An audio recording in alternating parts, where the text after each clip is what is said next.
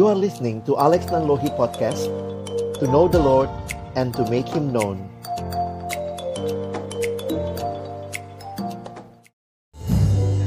Mari kita berdoa sebelum membaca merenungkan firman Tuhan.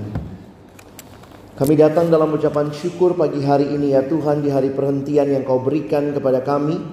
Kami bersyukur kami boleh datang bersama-sama memuji, memuliakan namamu karena sungguh ya Tuhan engkaulah satu-satunya Raja yang layak menerima segala puji, hormat, dan sembah kami. Pagi hari ini tiba waktunya bagi kami untuk membuka firman-Mu ya Tuhan. Kami mohon bukalah juga hati kami. Jadikanlah hati kami seperti tanah yang baik. Supaya ketika benih firman Tuhan ditaburkan itu boleh sungguh-sungguh berakar, bertumbuh dan juga berbuah nyata di dalam kehidupan kami. Berkati baik hambamu yang menyampaikan firman, setiap kami yang mendengar firman Tuhan tolonglah kami semua. Agar kami bukan hanya menjadi pendengar-pendengar firman yang setia, tapi mampukan dengan kuasa dari rohmu yang kudus, kami dimampukan menjadi pelaku-pelaku firman-Mu di dalam hidup kami. Bersabdalah ya Tuhan, kami umat-Mu sedia mendengarnya. Di dalam satu nama yang kudus, nama yang berkuasa, nama Tuhan kami Yesus Kristus. Kami menyerahkan pemberitaan firman-Mu. Amin. Silakan duduk. Shalom. Selamat pagi Bapak Ibu Saudara yang dikasihi Tuhan. Hari ini sama-sama kita akan merenungkan tema Virgin Birth atau yang kita sebut di dalam bahasa Indonesia sering kali dikatakan kelahiran dari anak darah. Bagian Alkitab yang akan mendasari perenungan kita sudah kita baca bergantian tadi di dalam Injil Matius pasal yang pertama ayat 18 sampai ayat yang ke-25. Nah, saudara yang dikasihi Tuhan, gereja Tuhan setiap minggunya berdiri menyatakan pengakuan iman rasuli. Sehingga kita juga memahami apa yang ada di dalam pengakuan iman rasuli itu juga bagian dari tema kita pada pagi hari ini. Kalau kita berdiri kita berkata, aku percaya kepada Yesus Kristus, anak Allah yang dikandung dari Roh Kudus, lahir dari anak darah Maria. Kata itu kita sebut lahir dari anak darah. Mari saudara perhatikan, saya ajak kita buka satu bagian paralelnya di dalam Injil Lukas. Mari saudara lihat sebentar Lukas pasal yang pertama. Kita akan melihat dua ayat. Ayat 20, 34 dan 35. Lukas pasalnya yang pertama ayat 34 dan ayat 35. Saya akan membaca ayat 34. Mohon Bapak Ibu Saudara jemaat sekalian membaca ayat 35. Kata Maria kepada malaikat itu, "Bagaimana hal itu mungkin terjadi karena aku belum bersuami?"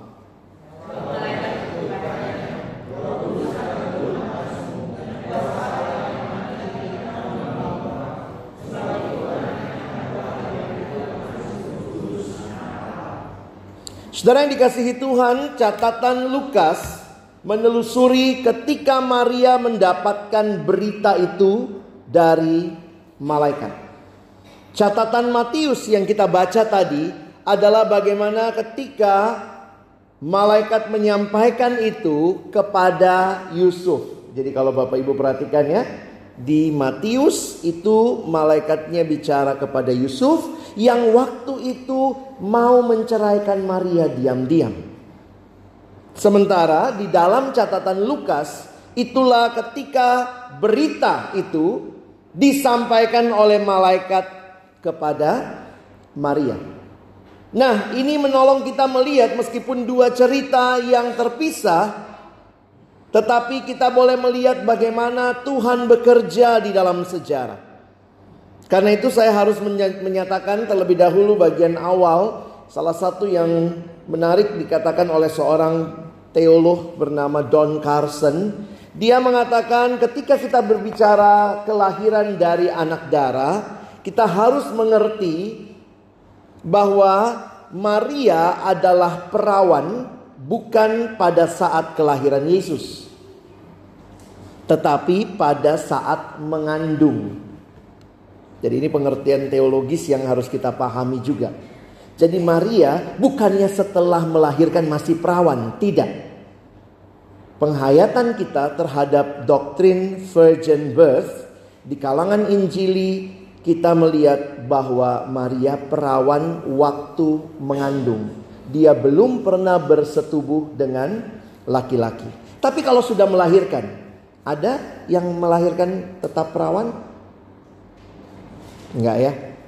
Itu menolong kita menghayati virgin birth, menolong kita melihat karya Allah yang luar biasa. Nah, saudara yang dikasihi Tuhan, saya ingin mengajak kita melihat hari ini apa yang dimaksud Yesus adalah anak Allah yang lahir dari anak darah Maria. Mari kita melihat sebentar teks yang kita sama-sama baca tadi di dalam Injil Matius, pasal yang pertama ayat yang ke-18. Saudara kalau memperhatikan ayat ini dikatakan pada waktu Maria ibunya bertunangan dengan Yusuf ternyata ia mengandung dari Roh Kudus sebab mereka sebelum mereka hidup sebagai suami istri. Di dalam tradisi pernikahan Yahudi ada masa yang namanya pertunangan. Dan masa pertunangan itulah yang nampaknya dibahas di sini di mana orang yang bertunangan itu untuk sementara waktu mereka masih belum boleh tinggal satu rumah masih masing-masing kembali ke orang tuanya, tetapi mereka sudah ditunangkan dan di dalam masa itu tidak boleh melakukan hubungan seksual. Tetapi Maria hamil dan kemudian kalau kita perhatikan ayat 19 karena Yusuf suaminya seorang yang tulus hati dan tidak mau mencemarkan nama istrinya di muka umum, ia bermaksud menceraikannya diam-diam. Jadi Yusuf mau menceraikan Maria diam-diam, perhatikan ayat 20. Tetapi waktu ia mempertimbangkan maksud itu, malaikat Tuhan nampak kepadanya dalam mimpi. Jadi nampaknya para penafsir Alkitab mencoba menghitung jadi Maria mengandung dari Roh Kudus, lalu kemudian beberapa bulan kemudian nampaknya Yusuf tahu Maria mengandung. Ada tafsiran yang saya baca dia mengatakan kira-kira sudah empat bulan usia kandungan Maria. Nampaknya baru Yusuf tahu. Lalu kemudian Yusuf berniat menceraikan diam-diam.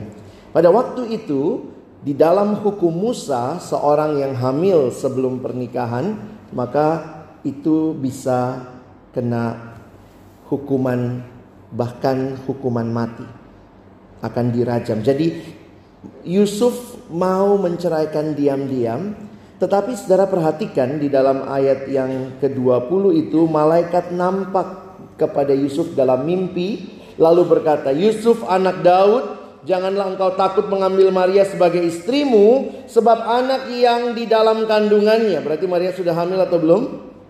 Sudah. Anak di dalam kandungannya dari Roh Kudus. Jadi kalau saudara perhatikan, Maria mendapat berita bahwa engkau akan hamil. Yusuf beritanya Maria sudah hamil. Nah, saudara, ini satu hal yang mungkin cukup mengejutkan buat kita.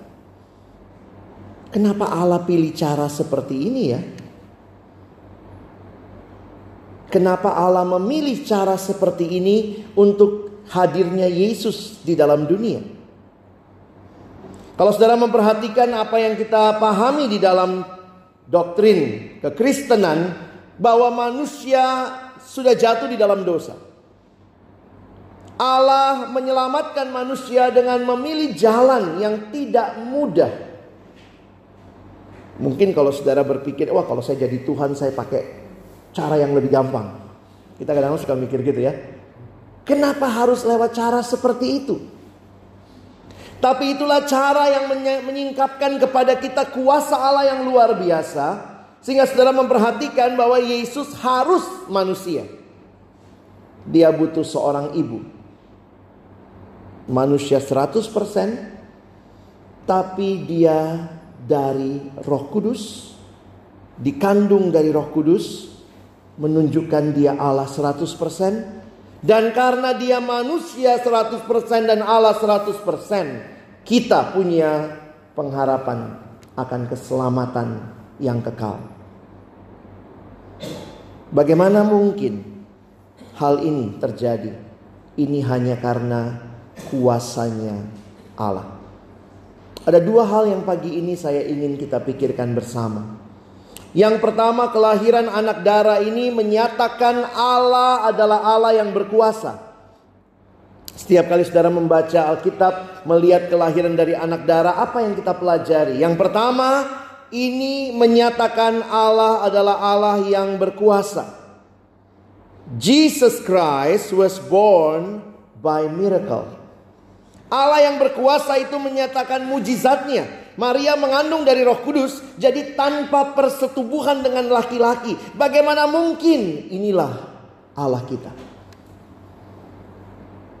Sepanjang hidup Yesus, kalau saudara perhatikan, bukan cuma kelahirannya yang adalah perbuatan yang ajaib, bukan hanya kelahirannya yang adalah miracle, tetapi juga di dalam hidupnya dia melakukan banyak tanda-tanda ajaib bahkan sampai mati dan dia bangkit itu juga menyatakan keajaiban. Kadang-kadang kita suka susah mengerti kok bisa sih ya, kok bisa ya.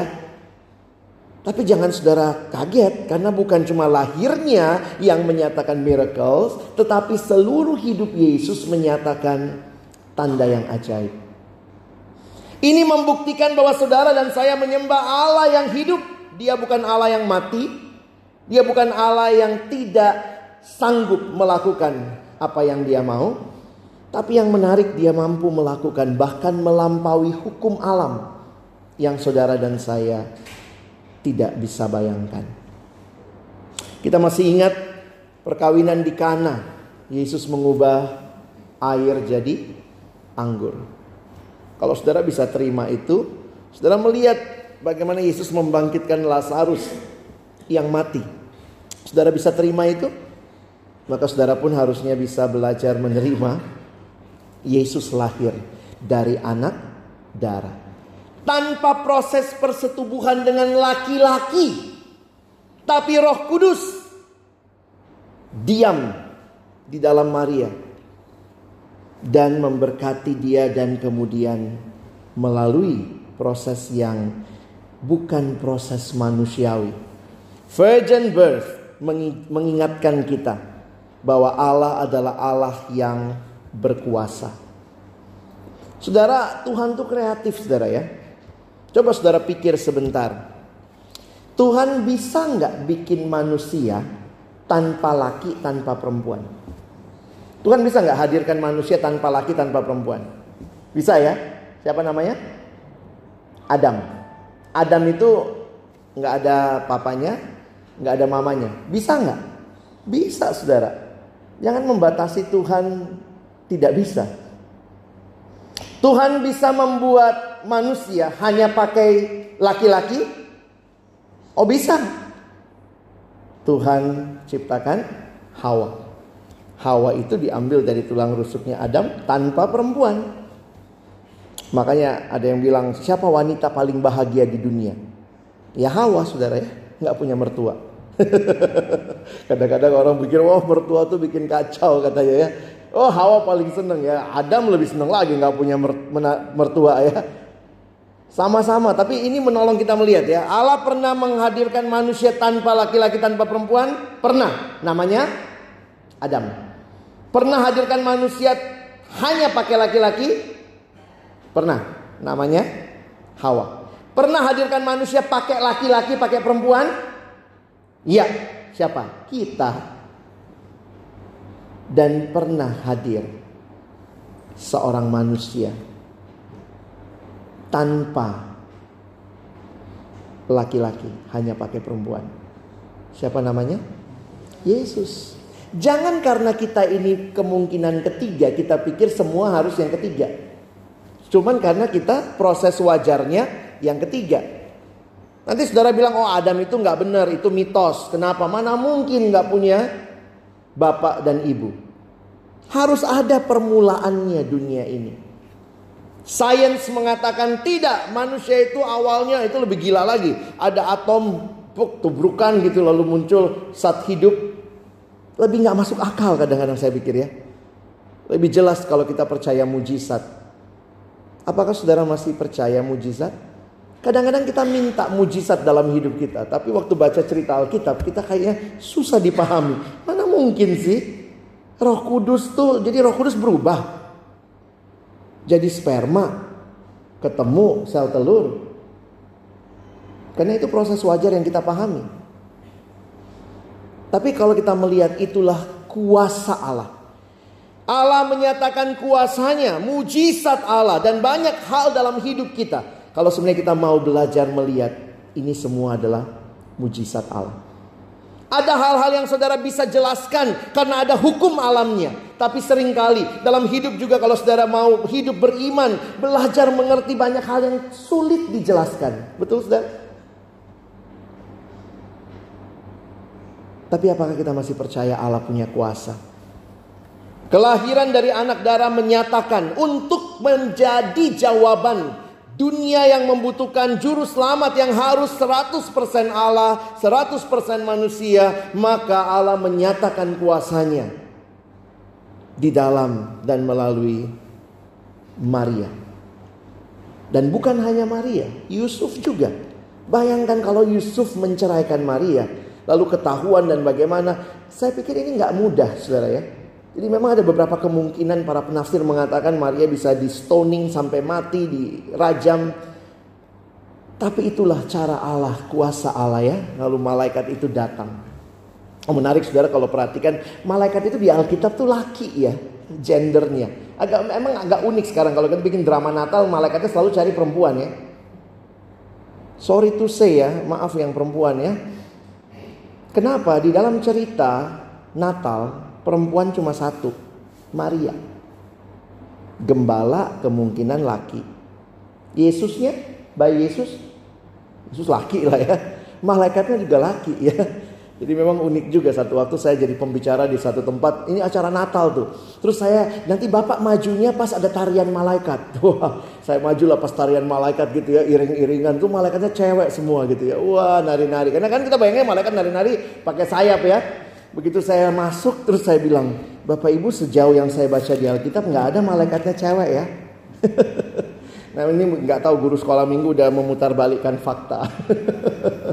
Tapi ya untuk semua kebagian peran dalam drama Natal, maka kita harus eh, mungkin yang jadi domba boleh lah ya, yang cowok, yang cewek, yang jadi gembala kita gembala modern. Ada juga dombanya, ada laki, ada perempuan. Ya kalau mau bikin malaikat modern ada perempuannya juga ya. Gabriel itu laki perempuan. Ya laki lah saudara ya. Jadi kalau kita lihat memang yang datang sama Maria itu bukan cewek, Gabriel gitu ya. Bukan Gaby. ya ini sedikit intermezzo buat kita yang mau memaknai Natal lagi ya. Banyak Natal kita kurang Alkitabiah. Orang majusnya tiga, padahal nggak ada di Alkitab bilangnya tiga. Persembahannya yang tiga. Mungkin orang majusnya lebih dari tiga. Mungkin saja, mungkin cuma dua. Tapi paling tidak jamak. Berarti harus lebih dari satu. Jadi banyak hal yang waktu kita baca jadi menarik saudara ya. Nah apa yang kita nyata, yang kita lihat bahwa Allah menyatakan kuasanya. Saudara ini satu hal yang sampai hari ini saya pikir mari kita belajar terbuka di hadapan Allah. Bahwa Allah berkuasa. Bahkan mungkin Tuhan bisa memakai hal-hal yang melampaui hukum alam. Gimana cara air berubah jadi anggur? Bagaimana mungkin yang mati bangkit? Nah buat kita sekarang juga banyak yang ajaib. Papa saya kena kanker. Kanker prostat stadium 4. 8 tahun lalu. Tuhan sembuhkan saudara. Kami kaget, dokter kaget gitu ya, tapi Tuhan pasti tidak kaget. Tuhan sanggup sembuhkan. Tidak semua sembuh ya. Waktu kemarin ke dokter, dokternya tuh kaget lihat papa saya. Maksudnya dia mau bilang gini, ih masih ada om gitu ya. Kenapa? Karena semua seangkatan papa saya yang sakit itu sudah lewat semua. Kita tidak tahu. Mujizat itu nyata. Kadang Tuhan sembuhkan, kadang tidak Tuhan sembuhkan, Tuhan izinkan sembuh, tidak sembuh. Tapi masalahnya, apakah saudara percaya bahwa Dia Allah yang berkuasa? Waktu baca ini, saya harap saudara tidak melihat ini mitos. Ayah, mana mungkin sih? Masa nggak ada bapaknya? Kalau sekarang ada manusia ngomong begini, kita bisa bilang bohong ya. Saya pernah pergi ke satu daerah di Jawa Tengah, pelayanan misi di sana, ketemu satu dukun kampung. Dukun di kampung itu terus dia ngomong begini, Mbah nggak bohong. Dia setiap kali ngomong selalu di depannya, Mbah nggak bohong. Itu belakangnya biasanya bohong tuh. Mbah nggak bohong. Mbah ini nggak punya bapak, nggak punya ibu. Ih, kita kaget gitu ya. Mbah dari gedebong pisang. Kata dari pisang keluar dia. Ya kita kalau dengar gitu lah ketawa lah ya karena apa nggak mungkin Allah melakukan tindakan kreatifnya sampai Yesus tapi sekarang kita harus lihat ada laki ada perempuan. Tapi apakah mungkin tanpa laki? Mungkin. Mungkin tanpa perempuan? Mungkin. Mungkin tanpa laki perempuan? Mungkin. Mungkinkah Allah masih melakukan mujizat di hidup kita? Mungkin jika itu dikehendakinya. Ingat, bukan apa yang kita mau. Makanya di dalam Alkitab kita juga melihat Yesus berkata, bukan kehendakku, tapi kehendakmu. Percaya bahwa ada hal-hal yang Tuhan sanggup lakukan dan tidak ada hal yang mustahil bagi Tuhan. Ini hal pertama yang saya ingin kita pelajari dan kita renungkan dari kelahiran anak darah. Allah menyatakan kuasanya. Hal yang kedua, saudara perhatikan sebentar di dalam ayat 23. Ayat 23 yang tadi kita jadikan ayat mas kita hari ini harus dibaca dalam kaitan dengan ayat 22. Saudara lihat sebentar. Sesungguhnya anak darah itu akan mengandung eh, hal itu terjadi supaya genaplah yang difirmankan Tuhan oleh nabi. Baru ayat itu. Sesungguhnya anak darah itu akan mengandung. Perhatikan referensi di bawah. Kalau saudara bawa Alkitab cetak. Referensinya adalah kepada Yesaya pasal 7. Sehingga saudara memperhatikan ini adalah penggenapan nubuat yang disampaikan Yesaya 700 tahun sebelumnya. Apa kesimpulan saya merenungkan bagian ini? Saudara dan saya menyembah Allah yang menggenapi janjinya. Tuhan tidak melupakan umatnya. Meskipun sering kali kita berpikir, wow 700 tahun lama banget. Tapi digenapkan di dalam Kristus. Janji Allah akan penyelamatan umatnya dia genapi. Sehingga memperhatikan kelahiran dari anak darah itu bukan sebuah kecelakaan sejarah. Tapi sesuatu yang dinubuatkan. Berarti Allah sendiri merencanakannya dan Allah menyampaikan kepada nabinya dan kemudian itu digenapkan. Bayangkan 700 tahun sebelumnya Yesaya berkata, karena itu Matius berani mengutip seperti yang disampaikan Allah. Dia Allah yang tidak berubah dan dia Allah yang pegang janjinya dan janjinya itu ya dan amin. Saudara pagi ini waktu kita membaca ayat-ayat ini, apa yang muncul di pikiran kita? Saya harap kita mengagungkan Allah. Allah yang maha kuasa, sanggup melakukan mujizat demi Yesus lahir. Dan dia juga Allah yang pegang janjinya. Saudara kadang-kadang kita mengerti Tuhan itu tergantung mood kita. Kita suka berpikir Tuhan itu kadang-kadang baik, kadang-kadang jahat. Suka gitu ya. Tuhan kenapa kau lakukan ini padaku? Jadi sering kali kita menghayati Tuhan sebagai Tuhan yang berubah-ubah juga moodnya. Kayak bos kita di kantor, kayak mungkin uh, apa ya orang yang menjadi pemimpin kita. Kadang-kadang baik, kadang-kadang jelek. Tuhan bukan Allah yang pelin-pelan. Dia senantiasa baik. Karena dia Allah yang tidak berubah. Dia Allah yang pegang janjinya. Kalau saudara belum bisa pahami itu, mari jangan salahkan Tuhan. Tapi berdiam untuk melihat lagi, menanti Tuhan Apa yang sedang aku alami? Saudara saya sering kali mimpin di anak siswa karena saya pelayanannya banyak ke anak-anak sekolah. Saya tanya sama mereka ya karena beberapa kali saya diundang ada kebaktian persiapan ujian nasional. Itu kalau ujian nasional aja kebaktian ya. Persiapan gitu ya takut ya. Jadi di ujian eh, di kebaktian persiapan itu saya tanya sama mereka. Kalau teman-teman, kalau adik-adik lulus ujian nasional, Tuhan baik. Semua jawab, baik. Kalau kalian tidak lulus, Tuhan baik. Nah, ba, ba. Saya mau tanya, apakah Tuhan jadi baik dan tidak baik hanya karena pengalaman hidup kita baik dan tidak baik? Kalau pengalaman kita menentukan dia jadi Tuhan yang seperti apa, siapa Tuhannya? Kita. Bukan pengalaman hidup kita yang menentukan kebaikan Allah. Dia Allah yang baik senantiasa. Sehingga walaupun saya belum bisa mengerti kebaikanmu Tuhan. Tapi saya tetap tidak meragukan engkau Allah yang baik.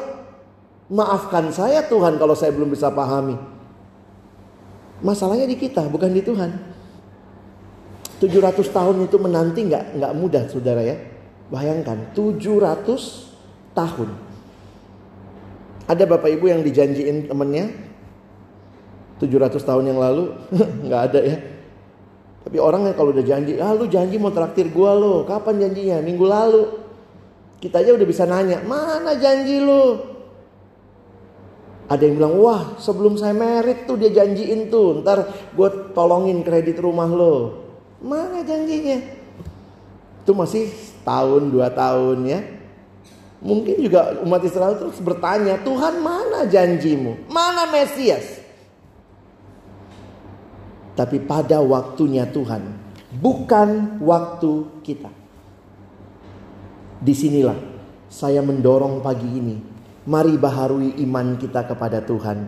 Dia Allah yang menggenapkan janjinya pada waktunya.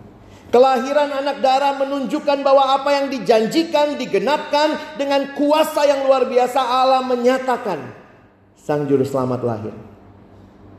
Dua hal ini yang saya harap kita imani terus dalam hidup kita sekarang. Dia Allah yang berkuasa, dia Allah yang menggenapkan janjinya. Kenapa belum terjadi pak? Kalau betul Tuhan mau, sabar saudara. Belajar bertanya, Tuhan mau ajarin apa sama saya? Ketika yang kita rindukan, kita tahu itu dari Tuhan, yang kita rindukan kita tahu Tuhan yang tanamkan di hati kita. Yang kita rindukan itu belum terjadi. Maka tanya Tuhan saya harus belajar apa dalam masa penantian ini. Dan yakin Allah sanggup dengan kuasanya. Tidak selamanya yang kita mau yang akan terjadi. Betul saudara ya? Tapi yang Tuhan mau pasti akan terjadi. Saya menutup dengan mengajak kita melihat siapa nama juru selamat yang lahir itu. Ada dua nama yang muncul, saudara perhatikan di dalam ayat yang ke-21 dan nanti ada satu nama lagi muncul di ayat 23. Saudara perhatikan, Nama yang pertama di ayat 21, ia akan melahirkan anak laki-laki. Ini kata malaikat sama Yusuf ya. Ia akan melahirkan anak laki-laki dan engkau Yusuf akan menamakan dia Yesus. Apa artinya Yesus? Perhatikan di belakangnya dikasih tahu karena dialah yang akan menyelamatkan umatnya dari dosa mereka. Arti kata Yesus, nama Yesus dari kata Yesua itu ada di dalam perjanjian lama. Orang Yahudi itu namanya semua ada artinya. Seperti orang Tionghoa juga ya. Semua namanya ada artinya. Yesua, Yesus artinya God saves. Allah menyelamatkan. Makanya kalimat bawahnya di belakangnya karena dialah yang akan menyelamatkan umatnya dari dosa mereka. Nama Yesus menunjukkan apa yang akan dia lakukan, apa yang telah dia lakukan kalau buat kita sekarang. Dan yang kedua, perhatikan ayat yang ke-23. Ia akan melahirkan seorang anak laki-laki dan mereka akan menamakan dia Immanuel. Artinya apa? Allah menyertai kita. God with us. Yesus menunjukkan what he does. Immanuel menunjukkan who he is. Siapa dia? Yesus menunjukkan apa yang dia lakukan. Sehingga saya pikir ketika saudara dan saya merayakan Natal tahun ini mulai masuk dalam persiapan menyambut Natal, mari ingat sama-sama. Kita tidak sedang merayakan sesuatu tanpa makna. Tapi kita sedang merayakan kelahiran Yesus. Dan siapakah dia bagi saudara? Sudahkah dia menjadi juru selamatmu? Karena dia datang untuk menyelamatkan. Dan apakah saudara meyakini dia hadir menyertaimu? Apa respon kita ketika kita tahu yang datang itu juru selamat? Apa respon kita ketika kita tahu bahwa yang datang itu akan menyertai kita senantiasa? Ketika Yesus kembali ke surga, dia mengutus rohnya yang kudus. Dan Yohanes berkata, di dalam Injil Yohanes Yesus berkata, dia akan tinggal di dalam kita selama-lamanya. Saudara dan saya pulanglah dengan nama yang menyelamatkan ini. Pulanglah dengan nama yang menyertai ini. Karena dia Allah. Allah yang menyelamatkan dan dia Allah. Allah yang menyertai. Ada satu kalimat dalam bahasa Inggris yang saya pikir indah sekali. Memang dalam bahasa Inggris bisa ngertinya saudara ya. What is the most important thing about Christmas? Apa yang paling penting waktu merayakan Natal? What is the most important thing about Christmas?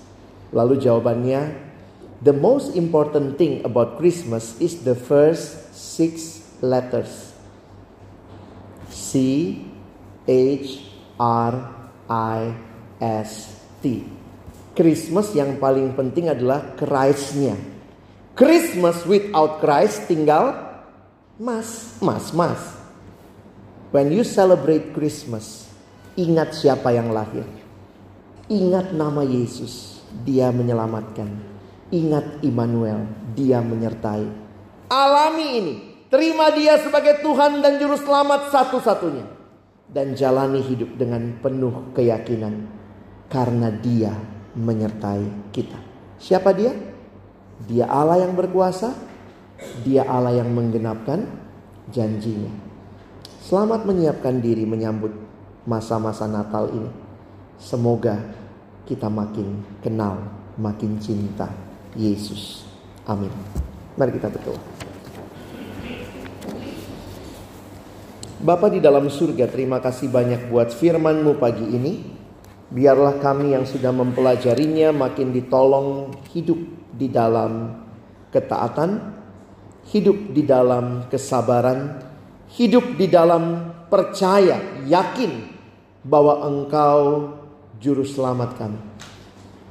Engkau menyertai kami. Dan itu cukup bagi kami di tengah-tengah pergumulan hidup yang kami alami. Yang kami renungkan pagi ini biarlah mengingatkan kami kepada Engkau ya Allah. Allah yang peduli kepada umatmu. Allah yang juga menuntun umatmu biarlah kami hari ini juga mengalaminya. Secara khusus memasuki persiapan-persiapan Natal, ingatkan kami kami tidak sedang merayakan kemeriahan semata-mata. Kami tidak sekadar melakukan rutinitas dan tradisi, tapi kerinduan kami. Kami kenal siapa Tuhan yang hadir dalam hidup kami. Tolong kami terima Engkau dalam hidup kami. Mengalami karya keselamatan. Dan tolong kami berani menjalani hidup ini. Bukan karena kami kuat. Tapi karena Engkau berjanji menyertai kami senantiasa. Hamba berdoa bagi Bapak Ibu Saudara pagi hari ini jika ada pergumulan-pergumulan yang membuat kami sulit percaya kepada Tuhan, membuat kami sulit memandang kepada Tuhan, melihat kami meragukan Tuhan. Biarlah pagi ini kami diteguhkan sekali lagi bahwa Engkau hadir, Engkau berkuasa, Engkau menyelamatkan. Kami bersyukur dalam nama Yesus. Amin.